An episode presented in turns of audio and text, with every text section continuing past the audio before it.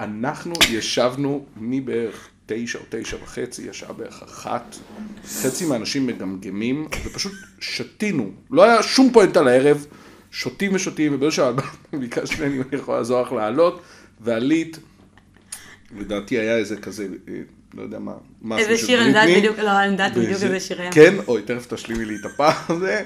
אה, זה טוב לי, חסר לי את זה בסיפור, שלב אה, את רוקדת, והיו מנורות כאלה בגובה שלך, ואת מחזיקה איזה מנורה ועושה כל מיני כאלה.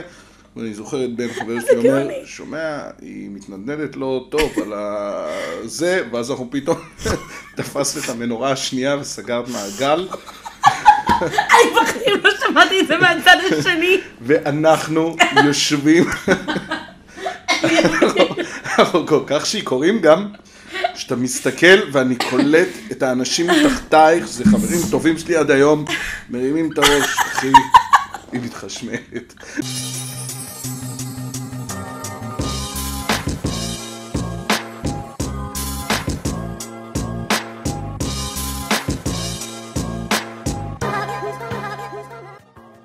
אז אפרת, אה, ברוכה הבאה לזוואר אונס.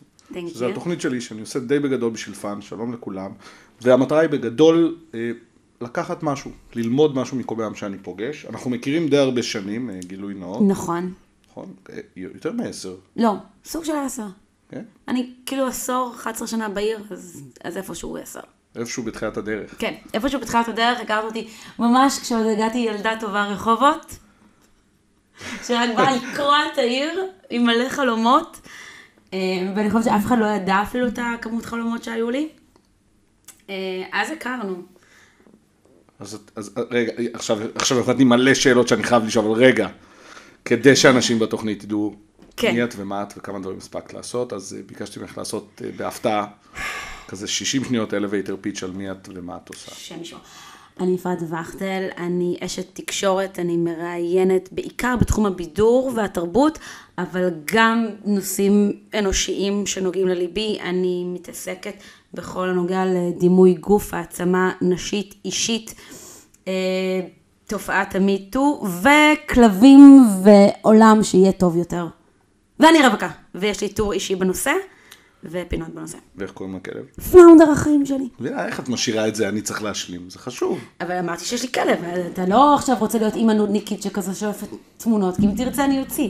נכון, למרות שאני חייב זה להגיד תמיד, שוב, שתדע, שתדע שזה תמיד קורה בדייטים, כזה, הם שואלים איזה סוג, ואז אני אומרת לך, אני אומרת, אני לא יכולה להסביר איזה סוג הוא, כי הוא מעורב, אני יכולה לראות תמונה, תראי תמונה, ואז נפתח הצרור והדרור לתת את הזה, ואז אומרים לי, את מדברת יותר מדי על הכלב שלך, אתה שאלת, אבל אני חושב שהוא שאל בכמות. אין בעיה, אבל אם שאלת, ת, תצפה לזה, אני לא רציתי להראות תמונה מיוזמתי, אתם שאלתם, אתם תקלו. לא, סתם, אני אני חייב מאוד, להגיד אה, אבל. שהוא מאוד מאוד חמוד. בקטע הזה אני אה, אה, חייב להסכים. לא, לא, אני בן אדם מאוד אובייקטיבי. אני יכולה להגיד שהוא לא הכלב הכי יפה, אבל הוא הכלב הכי חמוד. אני זורם איתך על זה. רגע, אז 11 שנה עוד מעט את אה, בעיר? לא, נראה לי שסגרתי 11, נראה לי שאני מתחילת ה... כן. איך היה להגיע לפה? אני תל אביבי, אז כאילו זה תמיד מעניין אותי, כאילו, איך אתם חווים את הדבר הזה? זה גם תמיד מעניין אותי הצד השני הזה, שאין את הרגע הזה של לעבור באמת וכזה, לצאת מהכבלים. תקשיב, אני יכולה לבכות. איך היה לעבור לפה? אני היום רגועה. אתה הכרת אותי צבעונית מאוד, ג'ינג'ית, עם חציות ענקיות. ואתה מכיר את זה שנגיד אה, גייז יוצאים מהארון, אז הם נורא נורא מוחצנים, והם מדברים בשפת הגייז, ואחרי כמה זמן זה מתאזן, ואוקיי, הכל, שוב, הכל בסדר גם איתם וגם איתם, אבל זה מין איזה משהו של, יצאתי בה לצעוק את זה לעולם, ואחרי זה אני רגיל, ואני לא צריך שהזהות המינית שלי תהיה הגדרה, אז ככה זה היה לי. הגעתי לתל אביב, והרגשתי שסוף סוף מותר לי להיות מוגזמת, מותר לי להיות מי שאני, מותר לי להיות שחקנית וצחקנית ולרקוד על הבר, ומותר לי להיות באמת, ללבוש את כל הצבעים שבעולם, ולקחתי את זה לקצה, להכי קצה שיש. לא להכי קצה שיש, כי בטח יש יותר מוגזם ממני, אבל באמת הייתי הכי צבעונית, לא לבשתי ג'ינס בחיים. היה לי רק שמאלות לכל יום, היה לי 365 שמאלות, לא, לא חזרתי על שום בגד פעמיים, היה לי קשתות מטורפות, האנשים היו צריכים אותי ברחוב ושואלים אותי, מה זה איפורים, מה זה זה. וזה היה פשוט מהמקום שברחובות, לא יכולתי לעשות את זה, הרגשתי שאני חייבת להיות אפורה, הרגשתי שאני חייבת להיות עם ג'ינס וטישרט, וכאילו אחרת, מסתכלים עלייך מוזר, ואני הייתי מאלה שיש להם מעיל ורוד תמיד. הפרסונה המוחצנת אז בעצם, או הדמות שאני צריכה לגלם הייתה ברחובות? לא, היא הייתה הפ- הפוכה. לא, הייתי צריכה לי- להחביא את עצמי. אז אני אומר, שם היה לך מין אה, הדמות הזו של אני בסדר, אני מיינסטרים אה, זה, באת לפה ויכולה לעשות מה שאת רוצה. כן. עכשיו, זה לא היה, כולם אמרו לי, יואו, למה את צריכה כל כך להתבלט? יואו, כמה תשומת לב את צריכה? אני- אני בכלל לא צריכה תשומת לב. אז זה לא עניין אותי אם מישהו מסתכל עליי או לא. ולהפך, להפך. ברחובות, אם הייתי עושה את מה שעשיתי, זה היה תשומת לב, וזה היה מבטים, ווואי, איזה מוזרה את. בתל אביב, הייתי הולכת ככה, ואף אחד לא, אף אחד לא מסתכל, כזה, אה, עוד אחת. זה לא, לא קיבלת יותר תשומת לב, היית פשוט... ואז אחרי כמה זמן זה התאזן, ואז היום אני רואה את התמונות ואומרת, מה עשית? מי זאת? מי זאת האישה המשוגעת שנראתה כמו ציפי שביט על קרק? אחרי כמה זמן את מסתכלת על עצמך ככה? כי באותה תקופה היה אחלה, זה היה מי שאת ומה שרצית לעשות. נכון, נכון, זה היה מדהים. לא, היום אני יכולה להסתכל על תמונות ולהגיד, מי זאת? לא, אני עדיין חושבת שכאילו, זה- אבל כאילו חשבתי שאני מה זה אה, מגניבה ומתלבשת יפה, וכאילו שיא הסטייל, ולא, אלוהים, הייתי נראית נורא ואיום. מ- מגיעים לעיר הגדולה עם אה, מה שמסתבר שאת צריכה דירה ודירה לארון אה, שמלות, נכון. אז עוברים לפה ומה? איך כאילו התהליך כזה של להגיע עבודה, מה?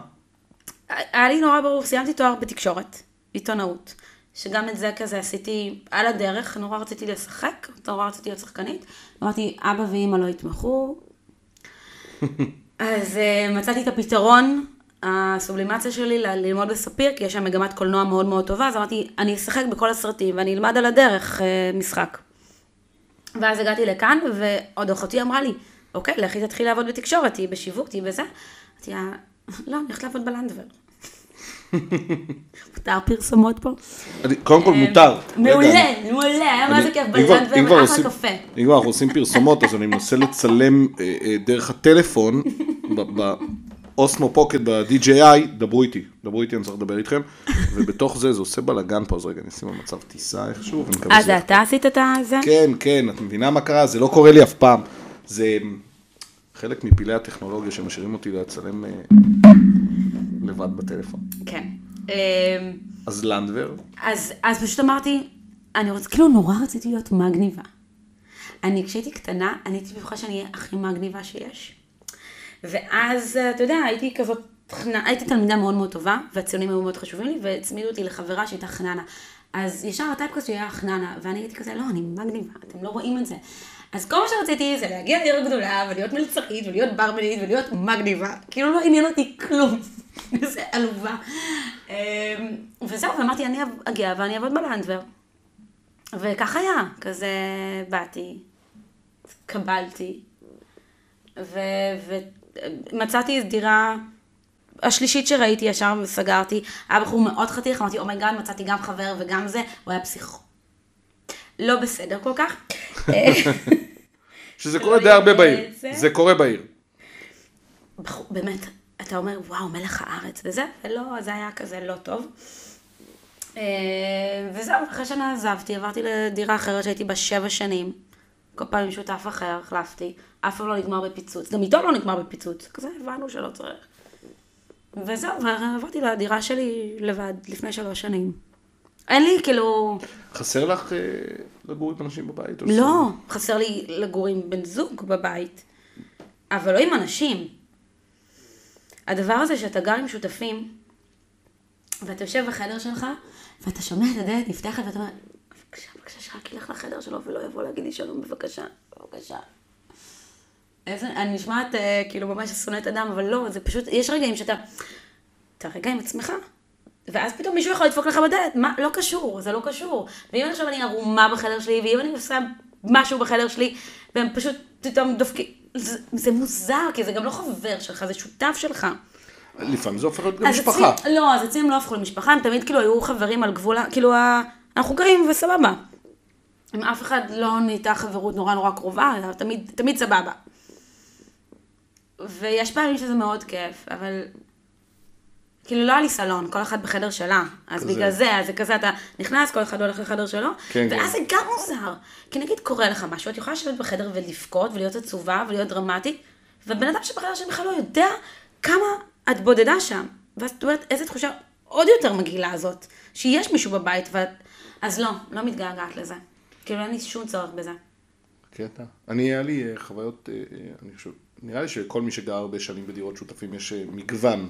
כן, כן. של שותפים בסקלות, מהכי פסיכופטיים שיש, לסבבה לגמרי, לאנשים שאתה לא מתקשר איתם. ל...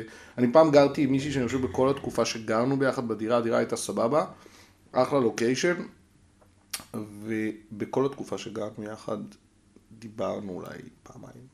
אה, וואו. ברמת ה... כשהגעתי וכשעזבתי, אולי היה באמצע איזה מפגש כזה במקרר ל... שומע, זה הגזר, זה שלי. זה הגזר שלי.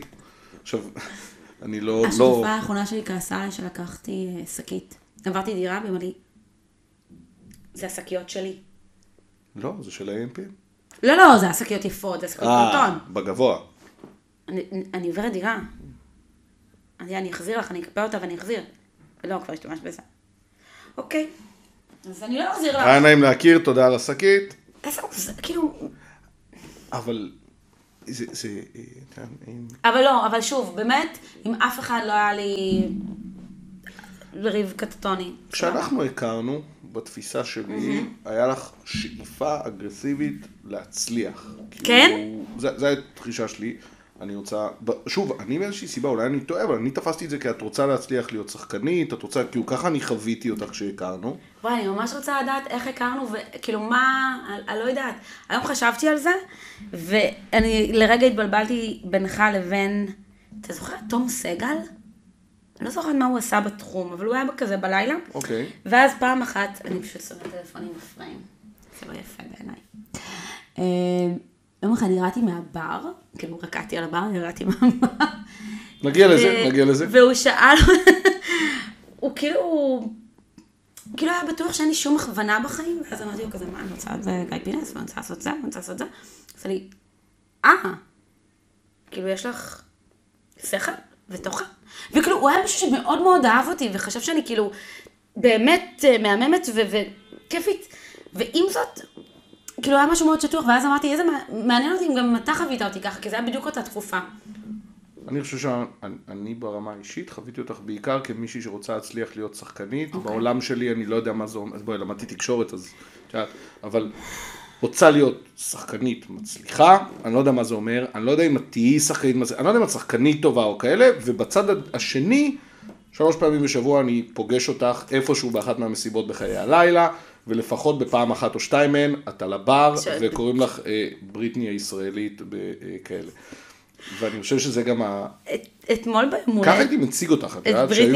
אירועים, אה, בימים הטובים של המנדלה מוס, היו מגיעים אנשים ביום חמישי, היינו יושבים כמה חברים, והיית עולה על הבר, והיו אומרים, קבל את זאת, אומר, אה, בריטני הישראלית. מה היו אומרים? אני רוצה לשמוע מה היו אומרים. מה היו אומרים?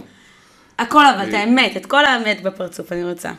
כי שמעתי הכל, אז אני סתם רוצה לשמוע... לא, אני חושב שזה פשוט עניין של הזיה. כאילו, אתה, אתה רואה אנשים, לעלות לרקוד על הבר, זה או שאתה בן אדם שאין לו שום מושג מי הוא ומה הוא, או שאתה בן אדם שלגמרי מודע למי הוא. אבל כשאנשים חווים את זה מהצד, אני לא יודע. אני לא יודע באיזה סקאלה של פסיכופת אתה. וכשאת עלית על הבר שלו, עם הזמן שאתה מכיר, זה כזה, היי, והיו נותנים כיף כזה, אני זוכר שהיית עולה, תעזור לי. אני זוכר, ואני יושב עם הבירה כזה, חמישי בערב, רק סיימנו איזה 300 שעות עבודה בשבוע, ואת היית עולה, ואת... עכשיו, לכולנו היו אה, אה, אירועי שכרות ומביכים שאתה רוקד על הבר, זה היה חלק. וגם באותם ימים זה היה קטע כזה. אני מעולם לא שתיתי כשרקדתי על הבר. שזה, זהו, שזה מדאיג. מדאיג. אני, אני נגיד שתיתי את הבר כשעליתי על הבר, אבל, ואני חושב שגם באותה תקופה היה מין קטע כזה, שכאילו כשהערב סבבה אז אנשים יעלו לרקוד על הבר, אז אני חושב שהרבה פעמים את היית אה, מנה. ראשונה, כן. את היית עולה, עלו הייתי הולכת. ואז היה עולה איזה זוג בדייט עקום כזה, ותמיד יש את הזוג או שהיה את המבין. אלה שהיו מנסים לרקוד איתי על הבר, נשמות, אין לי מקום. אני לא רוצה לרקוד איתכם, בגלל זה אני על הבר, כי אני רוצה לרקוד לבד וליהנות. אני אה, אפילו זכור לי. מקרה, אני לא יודע אם את זוכרת את זה, זכור לי אפילו מקרה שכמעט התחשמלת. מה זה כמעט? א', לא זוכרת, אני נשמה, אני התחשמלתי על הבר, כמעט. אם יורשה לי לספר את החוויה מהצד אוקיי, שלנו, אוקיי, בבקשה, דו. בימי הבריטני העליזים שלה, כי זה סיפור מדהים בעיניי. אמ, אנחנו ישבנו מתשע? וחצי, כן, מתשע וחצי, אני חושב שזה אפשר לסיים את הפודקאסט, ניצחנו, זה ביפר הפודקאסט, אני אני משקיע, אני שם אלף שקל בקידום בסיפור הזה וסיימנו. אמ, אנחנו ישבנו מבערך תשע או תשע וחצי, השעה בערך אחת. חצי מהאנשים מגמגמים, ופשוט שתינו. לא היה שום פואנטה לערב, שותים ושותים, ובאיזשהו שלב ביקשתי ממני אם אני יכול לעזור לך לעלות, ועלית.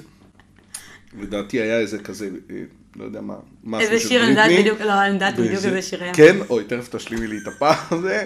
אה, זה טוב לי, חסר לי את זה בסיפור, ובאיזשהו שלב אה, את רוקדת, והיו מנורות כאלה בגובה שלך, ואת מחזיקה איזה מנורה ועושה כל מיני כאלה.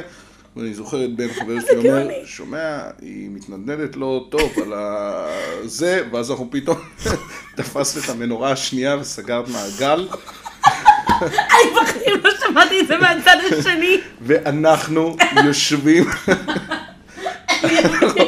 אנחנו כל כך שיכורים גם, שאתה מסתכל ואני קולט את האנשים מתחתייך, זה חברים טובים שלי עד היום, מרימים את הראש, אחי, היא מתחשמלת. גמורים, גמורים. ומישהו אומר, תעזור לה, אני לא נוגע.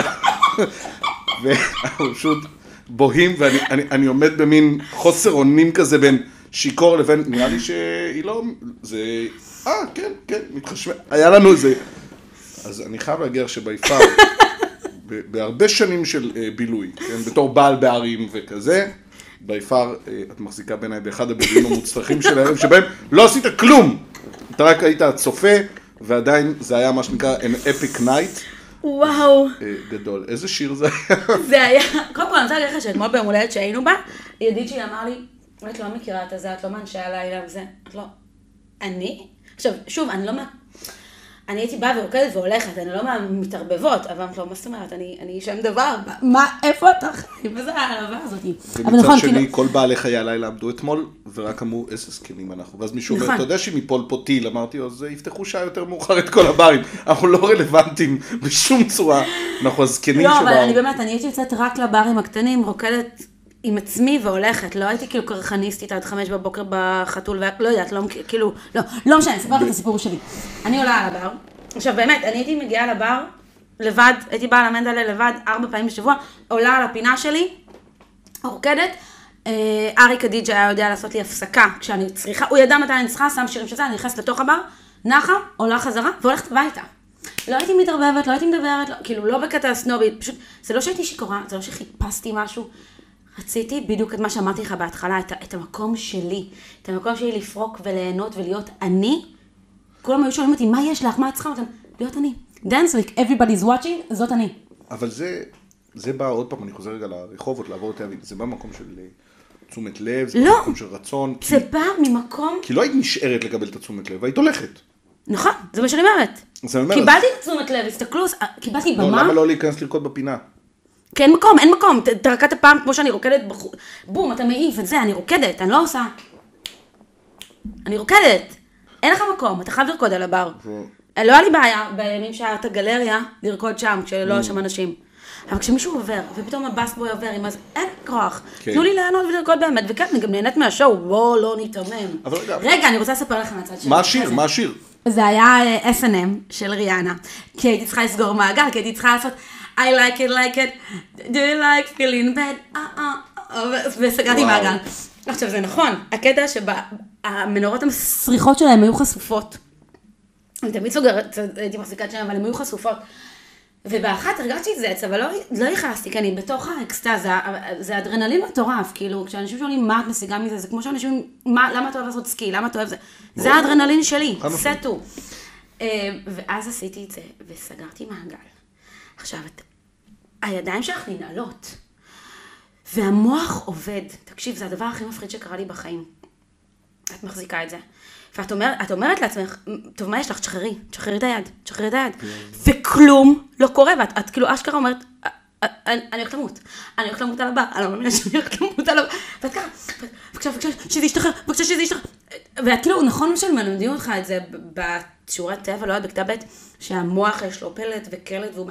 אז זה אשכרה עובד, פתאום אתה שומע את המוח אומר ליד מה לעשות, והיא לא זה, ובבום, זה הת- התנקה כאילו, ונפלתי, ומישהו מתחת, מי זה בן? אחד החברים שלנו. זה, זה, אוקיי, מישהו מתחת אמר לי, מה, התחשמלת? תיגעי ב- תיגעי בעץ. ואחד הברמנים הבעלים, עושה לי, מה, התחשמלת? בסדר, זו את, את לא תתבעי אותנו. זה היה ההיילייט. זה, מאוד תל אביבי כבר בזה. ואז צמח לי נבוט, כמו בסרטים, ממש פה, ככה, עם נימים סגולים. כנראה כל החשמל יצא מפה. עכשיו, זה היה בתקופה שעוד לא היה לנו אה, סמארטפונים אפילו. או שרק היה התחלה של... לא היה, כאילו, לא היה אינסטגרם אפילו. לא היה סטורי, לא היה... היה פייסבוק, וזהו, לא היה אינסטגרם עדיין. אין לי שום תמונה ב- מהמנדלה באינסטגרם, לא היה אינסטגרם. רצתי הביתה כדי לדעת מה קרה לי. כדי לבדוק, כי לא היה לי איך לבדוק, וכאילו ממש פחדתי שהלב שלי יתחשמל או זה. ואני זוכרת, התקשרתי לאבא שלי להגיד לו, יום אחד, ואז הוא אמר לי, הדבר היחיד שהוא אמר לי, יש לך מזל שלא עשית פיפי. נכון, כי הכל משתחרר. מסתבר. ואמרתי, וואו, כאילו, אני עשור, איזה עשור? מגיל 16 אני רוקדת על ברים בשולחן. 20 שנה אני רוקדת על זה, ומעולם לא נפלתי, לא הקמתי, לא כלום, לא, לא הפלתי למישהו, כלום. אבל כאילו, I, I took it to the next level, התחשמלתי על הבר וכמעט השתנתי על הבר. לגמרי. זה היה סוגר כמה פינות. אבל רגע, אבל אמרת כן. קודם, אה, אני ידעתי שאני רוצה לעשות, באיזה שלב את אה, עוברת מלאן וריקוד ברים, אה. לזה שיש תוכנית עבודה. אוקיי. אמ, וואי, איזה סיפור מצחיק זה היה לשמוע את זה מהצד השני. באתי לתל אביב כדי להיות שחקנית. להצליח בעיר הגדולה. אמ, אז כאילו באתי וישר נרשמתי לסוכנות שחקנים, והתחלתי לעשות אודישנים, ועבדתי בתור שחקנית בחלטורת שחקנים, הייתי עם מרלין מונרו שבע שנים מחיי. וואו, הלו. באיזה כן. חלטורה. זה, זה חלטור, זה כאילו יש נגיד יום הולדת לאיזה איש זקן בן 80 שיכולה על מרלין מונרו, את באה ועושה לו Happy birthday to you, כזה, כזה. כזה. שום דבר מיני או קריפי באמת, אבל הכל זה כזה פנטזיות של אנשים שזה, ועשיתי מלא, הייתי כיפה אדומה באמצע היער, נגיד יש דרום אדום, את הפסטיבל, עמדתי ביער במשך 12 שעות, וחיכיתי שכל מיני קבוצה של ילדים יבואו ואני כיפה אדומה, ואומרים, יואו, ראיתם אולי את זאביק? את זאביק החבר שלי? ואז הם כזה, "אה, יש זאב. כן, אז שיחקתי בכל מיני דברים מוזרים. אמ, ועשיתי אודישנים, והתחלתי קורסי משחק, ולמדתי משחק מול מצלמה, ולמדתי זה וזה. ובאתי ועשיתי, אמרתי, אוקיי, אני אלך לאודישנים לבית ספר למשחק. עם זאת, ההפנמה שלי את בית הוריי, לא באמת אפשרה לי לעשות את זה. אה, ובמקביל, סליחה שאני שואל, מנעו ממך? לא, או- ההפנמה שלי אה, מנעה. מה- זה כאילו- משהו פנימי כאילו. ידעתי שהם לא ירצו. אתה יודע, וזה כזה, אתה בא לאודישן ואומר, כן, אני לא יודע אם אני כל כך רוצה. אתה שם לעצמך את הרגל, ישר. זה לא שאת באה ואומרת, לא משנה מה, אני כאן. זה לא, את באה ו... אני אנסה, אני אסמן על זה וי, ואז לא נורא, אם אני לא אתקבל, כי העיקר שאני... כזה. התקבלתי למכינה או לסטנד ביי ביורם. היה לי ממש נחמד באודישנים של יורם, כאילו עברתי את השלבים, עברתי את זה, אז אמרו לי, תשמעי, התקבלת לסטנד ביי, ובמקביל אבל כבר נרשמתי, ל... עשיתי אה, מבחנים לפסיכודרמה, אוקיי. שזה לימודי תעודה גבוהה, בעצם לטפל על ידי משחק. אה, תחום מרתק. זה מדהים, ממש תחום מדהים בעיניי. זה מדהים. אה, כשהייתי בשדרות, בספיר, לימדתי משחק.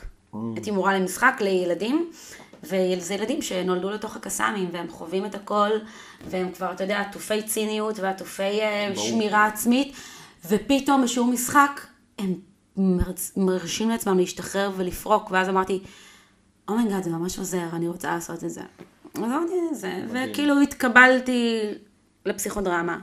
אני חייב להגיד לך "אוקיי." שאני לאחרונה חוויתי אה, את הנושא של פסיכודרמה מהצד שעובדים עם אה, אה, יזמים שיש להם חברות מעל גודל מסוים, או מנכ"לים, או דברים כאלו, כשהם משתמשים בפסיכודרמה, לדוגמה, לשפר את מערכת היחסים עם הבן בת זוג, או הילדים דווקא, והיה אה, משהו שבהתחלה מרגיש מאוד לא נוח, אבל ברגע שאתה סוג של מבין את זה, וגם כשאתה חווה את כן, זה מתחיל מהצד, להיכנס, כן, כן, גם להיות כצופה, זה, זה חזק מאוד. מאוד. מאוד, מאוד. מאוד, מאוד. זה היה שלוש שנים מאוד קשות. לא סתם הייתי צריכה לחזור ולפרוק את הכל על הבר. כי אתה בעצם חווה טיפול, אתם 17 תלמידים בכיתה, ואתה אתה מטפל, כולם מטפלים אחד בשני וכולם כאילו עם המורה, אבל אה, זה היה מאוד קשה, מאוד מאתגר. ועדיין המשכתי לימודי משחק במקביל של ככה וככה, ואודישנים. אמ, ועשיתי כמה פרסומות, וכל הזמן, כל הזמן לא הלך לי, כל הזמן לא הלך לי, כאילו לא הבנתי מה לעשות. עכשיו, לא רציתי תיאטרון. כאילו, לא באמת באתי רעבה לשלוש שנים לימודי משרה, לא באמת רציתי עכשיו, אתה יודע, להתערטל על הבמה נפשית. ווייז.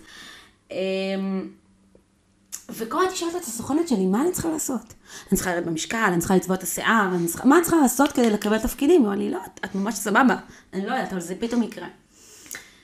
ומה שקרה, אה, עבדתי כל הזמן בעבודות מזדמנות, ברמנית, אה, מלצרית, עבדתי בחלטורות שלי, במוזיאון הילדים בחולון, הייתי מדריכה, אה, כל מיני עבודות של שחקנים מאוד.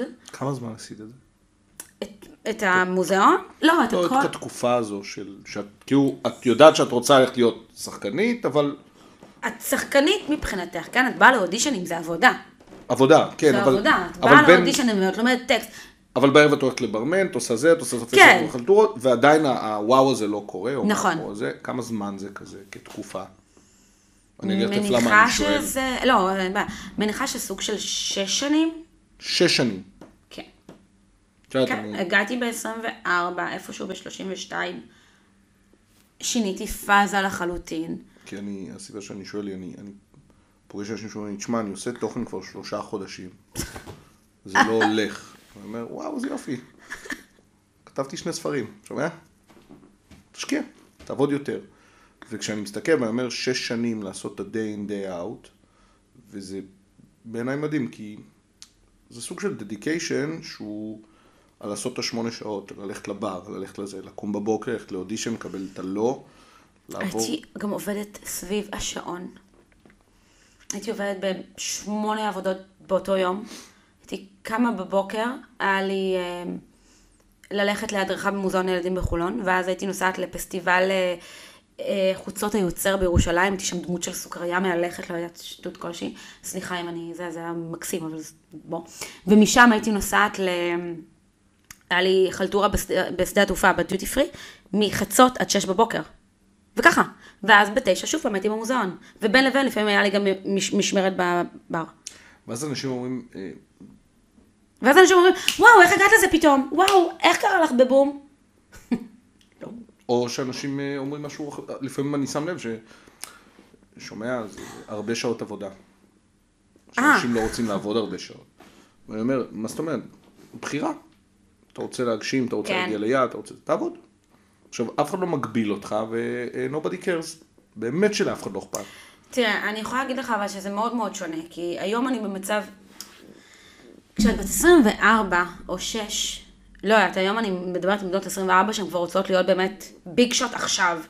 את אומרת להן, בת סבבה, לכי לברמן. אני ברמן, סיימתי תואר ראשון. נו, אז אני בירמן גם בגיל 30, אז למי אכפת? איזה כיף זה היה. אבל היום אני לא אחזור למלצר, אתה מבין? אז שם היה לי מקום שאתה יכול לעבוד ראש קטן בעבודה, לעשות שטויות, לעשות כיף, ואת האנרגיה שלך, השכלית, להשקיע בזמן שלך בבית. נכון. וזה מאוד מאוד שונה. היום כשאני צריכה להשקיע בעבודה שלי, אני לא, אין לי זמן לבזבז על משהו אחר, או אין לי זמן לעבוד באיזה חלטורה כדי... זה מנעד אחר בגיל הזה. כשאת אומרת, את, את, את אומרת, אה, את משתמשת רגע מצד אחד ב"אין לי זמן אה, להשקיע" או אה, העבודה או זה וזה, אבל באיזשהו מקום, אני לפחות תופס, תקני אותי אם אני טועה, אמנם את כאילו עובדת ב... אבל את העסק. נכון. זאת אומרת, מבחינתי את אה, יזם שנתן אה, שש שנים, אה, מה שנקרא, טה-טה-טה-טה לאופניים, ולאט לאט זה מתחיל לתפוס, ובנית עסק שהוא המותג שלך, והוא יכול לזוז בין אה, מקומות, ערוצים, דברים וזה וזה. כן, ולך תסביר את זה כל פעם לאנשים, אז מה את עושה עכשיו? כששואלים אותך מה את עושה אם את מתארת את זה במילה, זה כזה, כדי שאנשים יבינו ויעזבו אותך? אה, לא, אני אין לי בעיה שאנשים יישארו איתי, אני לא צריכה שהם יעזבו אותי. כן? זה לא כזה... הם יכולים להישאר, אנחנו יכולים לדבר, אנחנו יכולים לפתח שיחה, הכל טוב, שיישארו, בוא, בוא נדבר, בוא נפתח, בוא נראה לאן זה ייקח אותנו. אה, אבל, אבל לסיום הזה, כי אני לא שחקנית, אז בואו נגיע רק לאיך זה קרה. אה, עבדתי במוזיאון, פנו אליי מהאופרה לבוא לשחק שם באיזה חלטורה כזאת של שחקני... השחקנים באופרה הם ניצבים כזה של הבמה, כי השחקנים הם הזמרים בעצם. ה- אז את משחקת שם, ופתאום התקשרו אליי גם ממשרד החינוך, שאני אבוא להיות פסיכודרמטיסט במשרד החינוך. אז שוב, אז בבוקר עבדתי בפסיכודרמה. היה לי שלושה מקומות שונים, היה לי שני בתי ספר וגן ילדים שהייתי המטפלת בו. בצהריים הייתי סטייליסטית, עבדתי כאסיסטנטית של סטיילי, והיה לי עדיין את החלטורות, ובערב הייתי מופיעה באופרה. שוב, כזה. והיה לי רע ממש. כולם היו כזה, יואו, איזה מדהימה, איך את עוזרת לילדים, כל הכבוד, וואו, איזה מקצוע.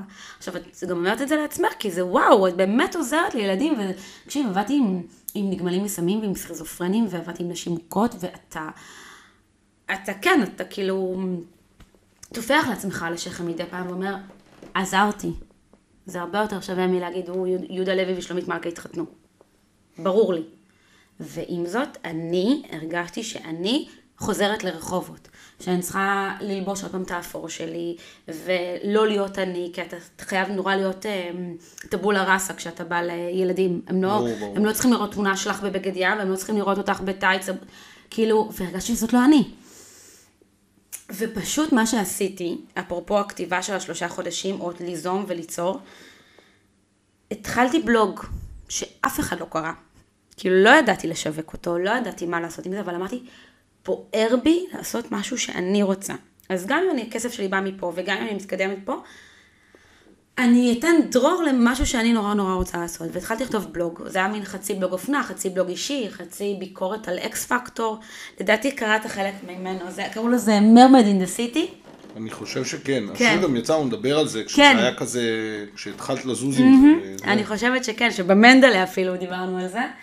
אמ, והדבר הזה פתח. ופתאום התקשרו אליי, באמת, זה נשמע, אתה יודע, מין סיפור אגדה כזה, אבל זה אחרי עבודה מאוד מאוד קשה של שנים. וכן, מישהו אחד ראה את זה נכון בפייסבוק, והתקשרו אליי, אמרו לי, את יכולה לעשות פינה אצל דנה אה, ספקטור ורן שריג ברדיו? ואת יכולה לעשות את זה, ואת יכולה לעשות את זה. והדבר הזה הוביל אותי לרעיון אחר, ואמרתי, אוקיי, אנשים צוחקים מהדברים שאני אומרת, כאילו, אתה יודע, היו כותבים לי בפייסבוק, וואי, שמעתי את הפינה. אמרתי, אני אכתוב את זה, ואני אעלה ואני אעשה סטנדאפ. בוא נראה איך זה ב live. ועליתי ועשיתי סטנדאפ בסטנדאפ פקטורי. ממש עם עידן ניידץ' ודני קמושוביץ ולאה לב וחן מור וכאילו כל הגדולים וכאילו היינו כולנו ממש כמו איזה, איזה מצחיק זה, כמו שאמרו לך וואו רותם אבואב התחילה בדוק, כולנו היינו שם על הבמה, חדשים, צעירים, מפוחדים מהעולם, וכל אחד מאיתנו השתלב באיזה מקום אחר, שזה קטע לחשוב על זה. ועשיתי את הסטנדאפ שלי, הגעתי לאולי עשר הופעות, שוב, זה רבע שעה כזה, כן? לא שעה וחצי, אבל באה ונותנת פאנצ'ים ומספרת איזשהו משהו מהחיים שלך. ובאחת ההופעות האחרונות, העורך של ynet בידור היה בקהל. וכשירדתי הוא אמר לי, אני רוצה שתבואי לעבוד אצלי. והוא לא ידע איך הוא הביא לי כפפה ליד שלי, ואני לא ידעתי את זה אפילו, כי אני חשבתי שאני רוצה להיות שחקנית. וביום שהגעתי עכשיו, סיימתי ב-30 לשישי בפסיכודרמה, ובראשון לשביעי התחלתי בוויינט. ממש, מלעזור לילדים, לעולם, מעולם טוב וורוד ווואו וואו וואו, זה מדהימה. בואו נדבר על... לצהוב ומלוכלך. אבל אני חייב לשאול רגע שאלה, אה, רגע, סוגריים, סוגריים, אני חייב לשאול, כי ברמה האישית זה חשוב לי. אה, אני לא יודע, אני חושב שזכרתי שעשית סטנדאפ, אבל אני, זה אחד הדברים שתמיד רציתי לעשות ולא עשיתי. ועשיתי הרבה דברים שעניינו אותי, ובדרך כלל אני מסמן מטרה ותוקף אותה, וגם אם היא לא וואו בסוף, מאוד נהנה מהדרך. כמה זמן הוא, הוא התבשל אצלך העניין של הסטנדאפ, או שזה היה כזה... לא התבשל בכלל. לא היה לי שום חלום לעשות סטנדאפ מעולם. אני ממש עשיתי את הפינות שלי. היה לי... הייתי יוצאת לדייטים מאוד מוזרים אז, באמת, כאילו עכשיו כל הזמן מדברים על דייטים, אמרתי להם, אין לי דייטים מוזרים, הדייטים שלי משעממים נורא, את כזה יוצא, אוקיי, זה לא זה, ביי. או הוא עשה כאילו איזה משהו, הוא לא התנהג בכבוד, הוא לא החזיר אס.אם.אס, אבל בוא, היה לי סיפורים מוזרים, מוזרים. והייתי מספרת אותם תמיד, ואנשים היו נקראים לצחוק, ואז עשיתי מזה סטנדאפ. כאילו, התחלתי בהתחלה מלכתוב סדרה, ואז אמרתי, אני אבחן רגע, אני רוצה לבדוק את זה על, על קהל. זה היה הרעיון, זה לא היה מין חלום שלי. כי כמו שאני רוקדת על הבר, אין לי, לא היה לי יותר מדי פחד מקהל, מלעמוד על הבמה. כן רעדתי כשנעמדתי על זה, כן. ברור.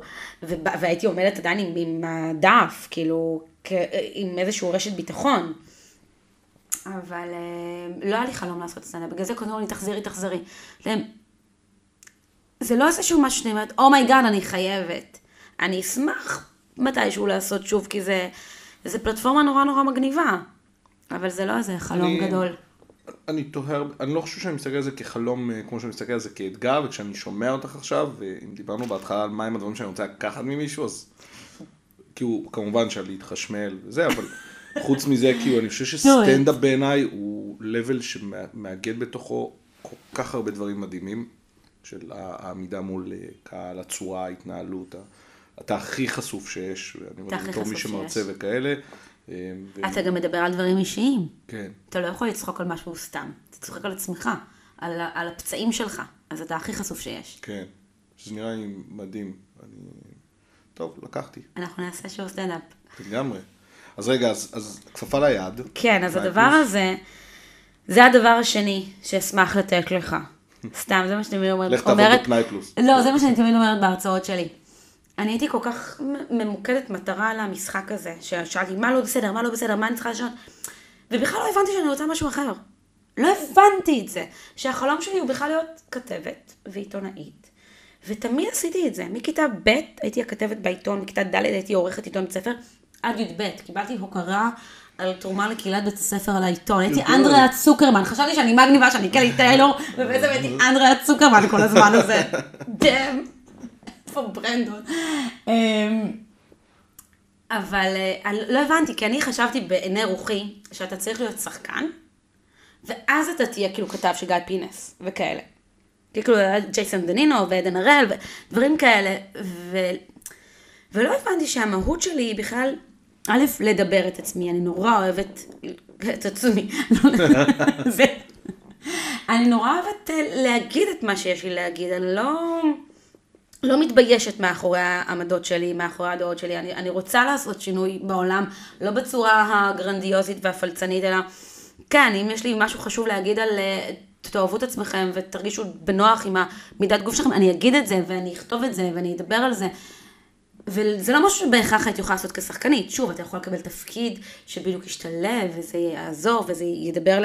כאילו, זה המקום שלי בתור שחקנית, לגעת בכמה שיותר אנשים. לקחת את הפלטפורמה הזאת, לגעת, ואז מגלה שבעצם בתור אשת תקשורת, את יכולה לעשות את זה פשוט לבד. בלי שתחכי לתפקיד הזה שיפול לך לידיים. ואז הגעתי, ואמרתי, יואו, אני הלכתי כמו עיוורת כל הזמן. עכשיו, זה נכון, זה כאילו מין חלק מהתחום, זה אני עדיין ב... בפרונט, וזה טלוויזיה וזה, אבל זה משהו אחר לגמרי. ולמדתי את זה, אני אפילו, לא- גם כשהלכתי ללמוד את זה, אני חשבתי על משחק. אמרתי, אה, על הדרך אני אלמד. תקשורת. כן, שיהיה תואר וירגיע. וכל הזמן כאילו הלכתי לדברים שבאמת עניינו אותי, והתייחסתי לזה כמו אוויר. כאילו, אתה נושם, אתה לא צריך את זה. אני אוהבת לכתוב, אני יודעת לכתוב, אני עושה את זה, אבל אני רוצה משהו אחר.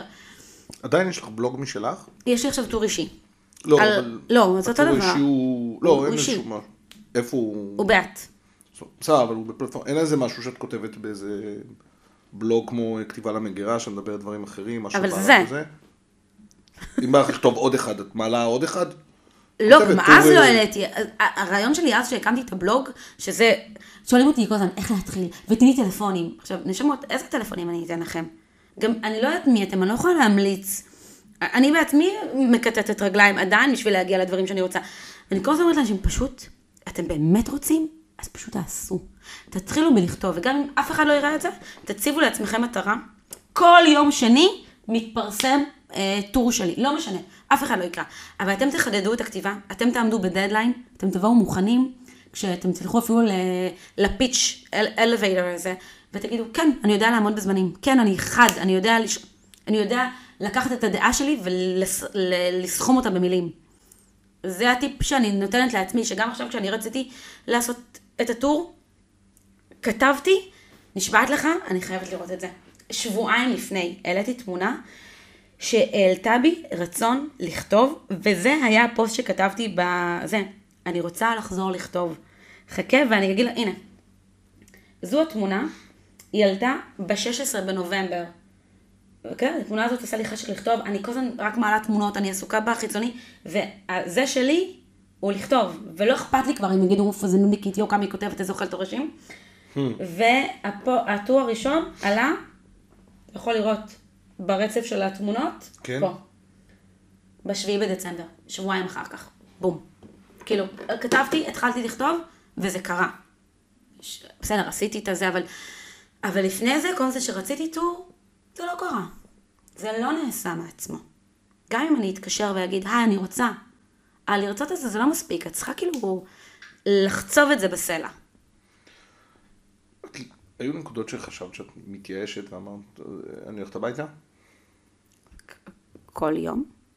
כאילו, גם עכשיו. אני שואל, גם עכשיו. ברור. אתה יודע מה זה לעבוד בתקשורת?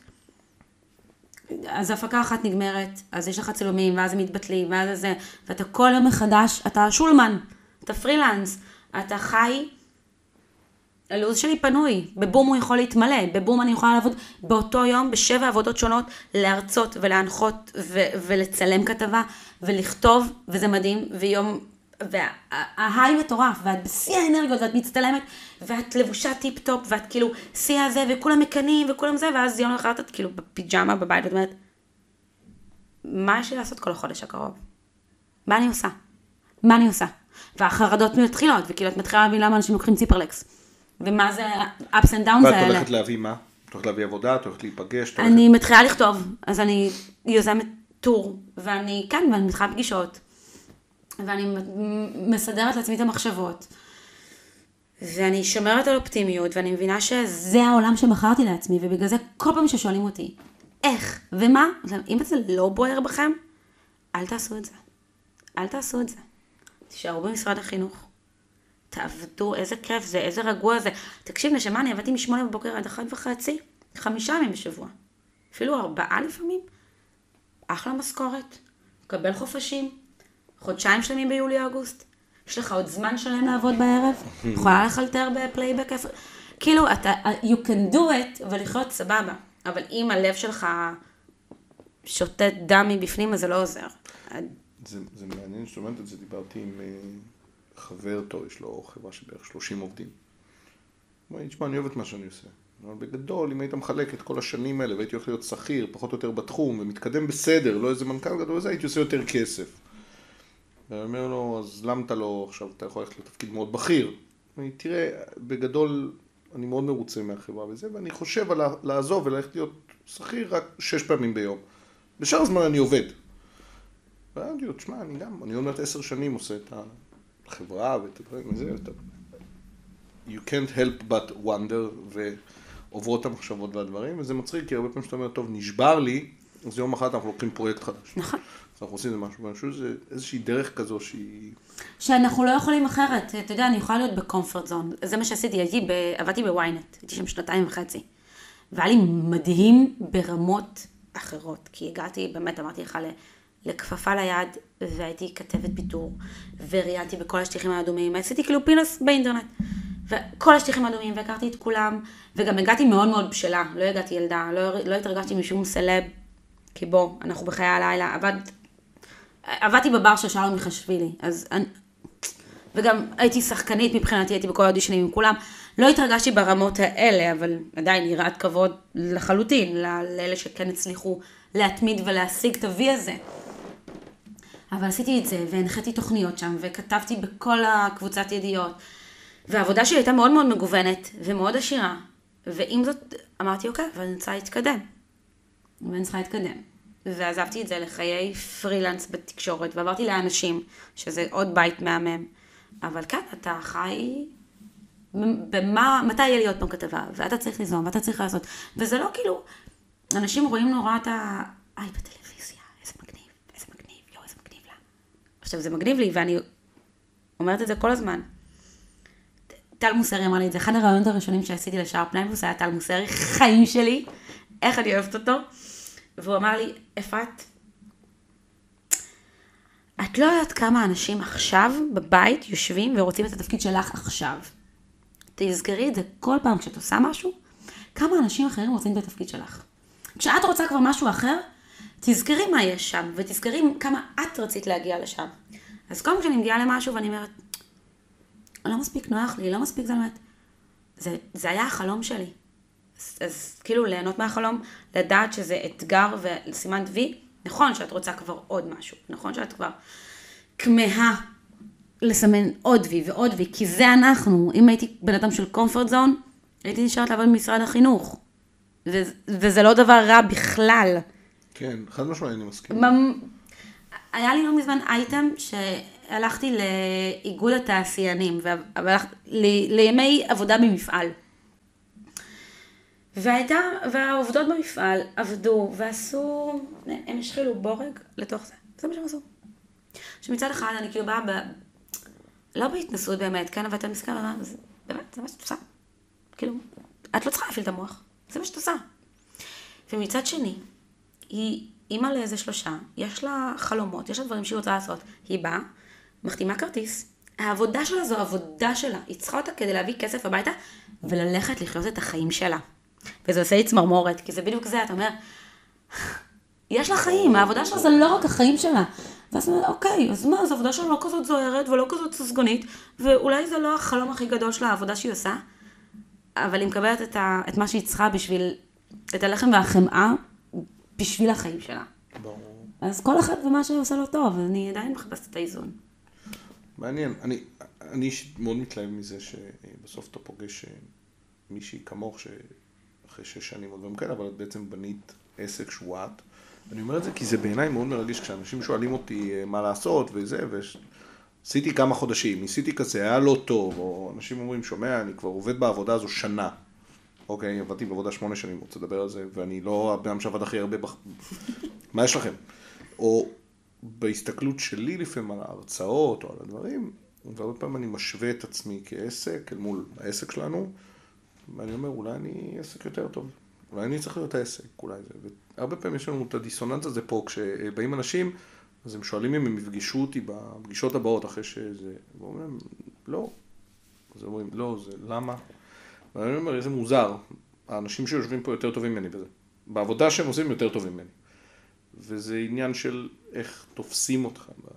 כשאני שומע אותך מדברת, אז אני אומר, זה קטע, את, את צריכה כל הזמן לזרוק את העוד עוד, אה, אה, אה, גיג הזה לתוך המדורה, כדי שזה ימשיך וימשיך וימשיך, אבל את לא יכולה לעצור. Mm-hmm. את צריכה, כדי שהפרסונה, אז מה השלב הבא? מתי זה הופך להיות, א', משהו שמניע את עצמו, או יש איזה תפקיד שאת מחכה לו, או יש... כי עשית, אלוהים יודע מה, ש... כאילו, אני חושבת אין לי ספק שאלוהים מנהלת שואו ביזנס, כן? זה כאילו, כל פעם שאני אומרת, אוקיי, אז נגיד, אני, אני עובדת על כמה דברים שלי. יש לי, אני, החלום שלי הוא לעשות דוקו. כמו שאמרתי בהתחלה, אני עושה אמנם תחום התרבות והבידור, אבל הדבר הבוער בי באמת הוא לדבר אל הלב של האנשים ולגעת בנקודות של, שנוגעות בכל אחד ואחד מאיתנו. גם בגלל זה אני עובדת בתוכנית אנשים, כי אני חושבת שכל סלב באשר הוא, הוא בן אדם והסיפור חיים שלו הוא רלוונטי לכולם. ברור. ופשוט, בגלל שהוא מפורסם, או שיש לו את הכריזמה ואת היכולת לדבר, אז יש לו יותר מקום לגעת בכולם. זה מה שמעניין אותי שם. ברור. לא מעניין אותי מי התחתן עם מי, מעניין אותי איך השפיע עליך הרגע הזה, ומה אתה יכול לקחת. ולכן מעניין אותי מאוד מאוד לעשות דוקו. עכשיו, להגיד לך שאני יודעת בוודאות שברגע שאני אעשה את הדוקו, זהו, אני אה, אה, צפה מעל והגעתי לנקסט, לא יודעת. יש לי כמה תוכניות שאני בפיתוח, ואז אני אומרת, אוקיי, יכול להיות שאני אצלם אותם. אני אספר עוד סקופ למי שלא יודע, ימי צילום בטלוויזיה לתוכניות אולפן, יכול להיות, לא, יכול להיות גם שלושה ימים, ואחרי זה התוכנית רצה שלושה חודשים, אבל עבדת שלושה ימים, וזהו. אז, ואז ישר חוזר לתוך הלופ הזה, מההיי לדאון, ואז להתחיל. אז ביום שאני אהיה רותם סלע כנראה, אני אהיה ב... אני לא יודעת, וגם היא, אני לא יודעת עד כמה הם רגועים. כי המקום הזה, של להיות כל כך בפיק, ולפחד לרדת ממנו, איזה סיוט זה. ברור. איזה סיוט זה, ואתה רואה איך הם כולם מתחרפנים, לא רותם, כפרה עליה. אבל בוא, סלבס בחו"ל, דודו טופז, ב- לא חסרים לך שמות של אנשים שהיו בטופ שלהם. ואתה יודע שאתה לא יכול לשמור על זה כל הזמן, כי תמיד יבוא מישהו חדש. אז אין לי תשובה לשאלה הזאת. כן. התשובה הזאת תהיה כש... אני נורא נורא רוצה בסיס איתן. אם זה גם יהיה, אתה יודע, בזוגיות יציבה שתאפשר לי איזה משהו יותר רגוע ונינוח. אם זה יהיה באיזה תפקיד שיאפשר לי משהו רגוע ונינוח לפה. שומע, בעיקר מה שאני שומע ממך דרך אגב, הוא שאני לא יודעת, אז אני ממשיכה בעשייה. וזו כן. נראה לי תשובה בעיניי מדהימה, כי האופציה השנייה היא, אני לא יודעת, ונחכה ונראה מה קורה. ש... אתה זורק מטבעות, כן? אני לא אגיד לך, יש ימים שאני קמה ולא עושה כלום. אבל זה... זה... אבל יש ימים שאני מפמפמת עבודה וכותבת ויוצרת נכון, וממשיכה תמיד. תמיד ממשיכה לחשוב על המה כן. הלאה, מה הלאה, מה תמיד. הלאה. שעוד פעם, ברוח יזמית כמנכ"ל, אז את גם מסתכלת שנייה על החזון של...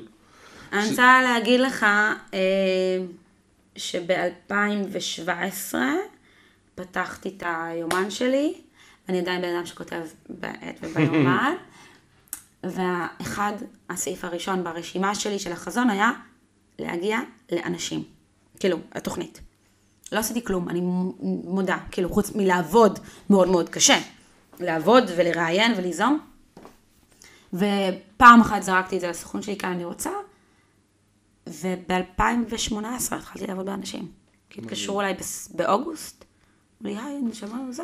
זאת אומרת, כי יש איזשהו משהו באינטואיציה הפנימית של מה מתאים לך, ויש משהו בחזון ובעבודה הקשה שאתה עושה, שאני מאמינה שבסוף רואים אותה. נכון שיכולתי גם לעבוד בגיל 24 בתחום שלי, ולקפוץ ולעשות נורא דברים זה, אבל אני חושבת שבסוף אתה עובד, ובלי לצעוק יותר מדי, ובלי מרפקים יותר מדי, כל עוד אתה עושה, אנשים שמים לב לזה. זה... ז- ז- זו לפחות התקווה שלי, ז- זה הדרך שלי לשמור על מה יהיה. האופטימית הזאת שאני יודעת שאם אני עובדת טוב ומאמינה בעבודה שלי, יראו. אני, אני מאוד מסכים עם זה, בעיקר אה, אנחנו מודדים את זה בפה לאוזן. איך לקוחות מגיעים מפה לאוזן, איך מגיעות לך הרצאות מפה לאוזן, זה דברים שאתה עושה, אז אני סופר מסכים. אני, אני מקפל רגע את הפודקאסט הזה, כי נראה לי שאנחנו יכולים להמשיך עוד איזה חמש שעות, ואני אשמח, אולי אנחנו פשוט צריכים להפוך את זה לתוכנית קבועה, שזה. גם אין לי בעיה. קודם כל, אני חייב להגיד, זו פעם ראשונה שאנחנו מדברים על הדברים האלה. בכל השנים אנחנו תמיד מדברים כאילו צחוקים ומסיבות ועניינים והזה, תמיד שיחה light. אמ, אני חושב שהשיחה הזו הייתה קלילה, פשוט עשית לי חשק. אמ, אני בדיוק עובד על מה יהיה ערוץ היוטיוב שלי ל-2020. אז יאיר ואני עובדים על כל מיני דברים. oh my God, אני גם רוצה לעבוד עם יאיר. נכון? כן. אני, אה, אני גם רוצה לעבוד עם יאיר על ערוץ היוטיוב שלי. יאללה. oh my God, sure, דבר איתי. אז, אה, נראה לי שזה היה... מה זה תודה? אני סופר שמח שעשית את ג'סטה. באהבה, תודה. לך. היה מגניב מאוד. אז אה, חברים, תודה רבה, אנחנו נתראה בפרק הבא. אפרת, המון המון תודה. אחזיק את שניהם ו...